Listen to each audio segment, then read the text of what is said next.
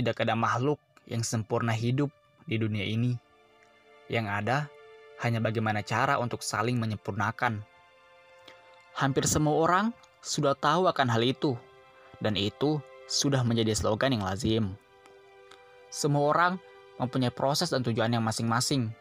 Pada tahap proses, ada perjuangan yang berafiliasi bersamanya untuk mencapai suatu tujuan. Berjuang.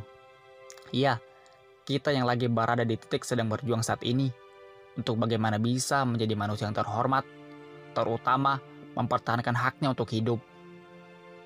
Di mana ada titik kita marah, sedih, kecewa, emosi, takut, bahkan hingga trauma tentang apa yang kita jalani di masa lampau.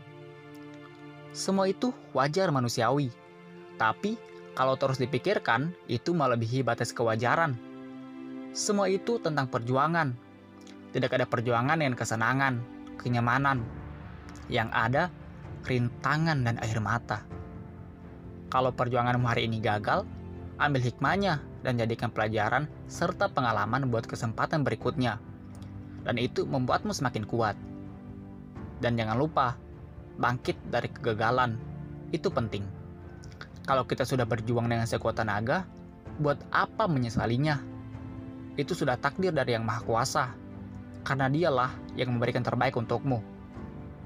Mungkin kamu menganggap hal itu baik, namun Tuhan belum tentu mengatakan itu baik, karena Dia mengetahui di atas segala-galanya.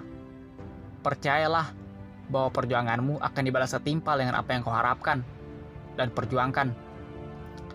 Begitupun dengan doa-doamu. Mungkin Tuhan belum mengiakan sekarang, tapi percayalah Tuhan tahu batas kemampuan seorang hambanya, sebagaimana ia diuji.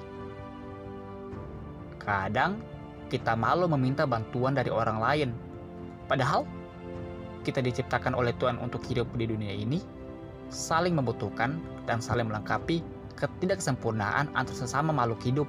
Begitupun sebaliknya, sebagaimana tumbuhan kita rawat, dan dia juga sebenarnya merawat kita. Begitupun hewan peliharaan kita.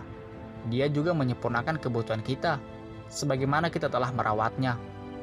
Jadi, kita hidup di dunia ini, semuanya saling terkoneksi antar sesama, dengan ketidaksempurnaan untuk saling menyempurnakan.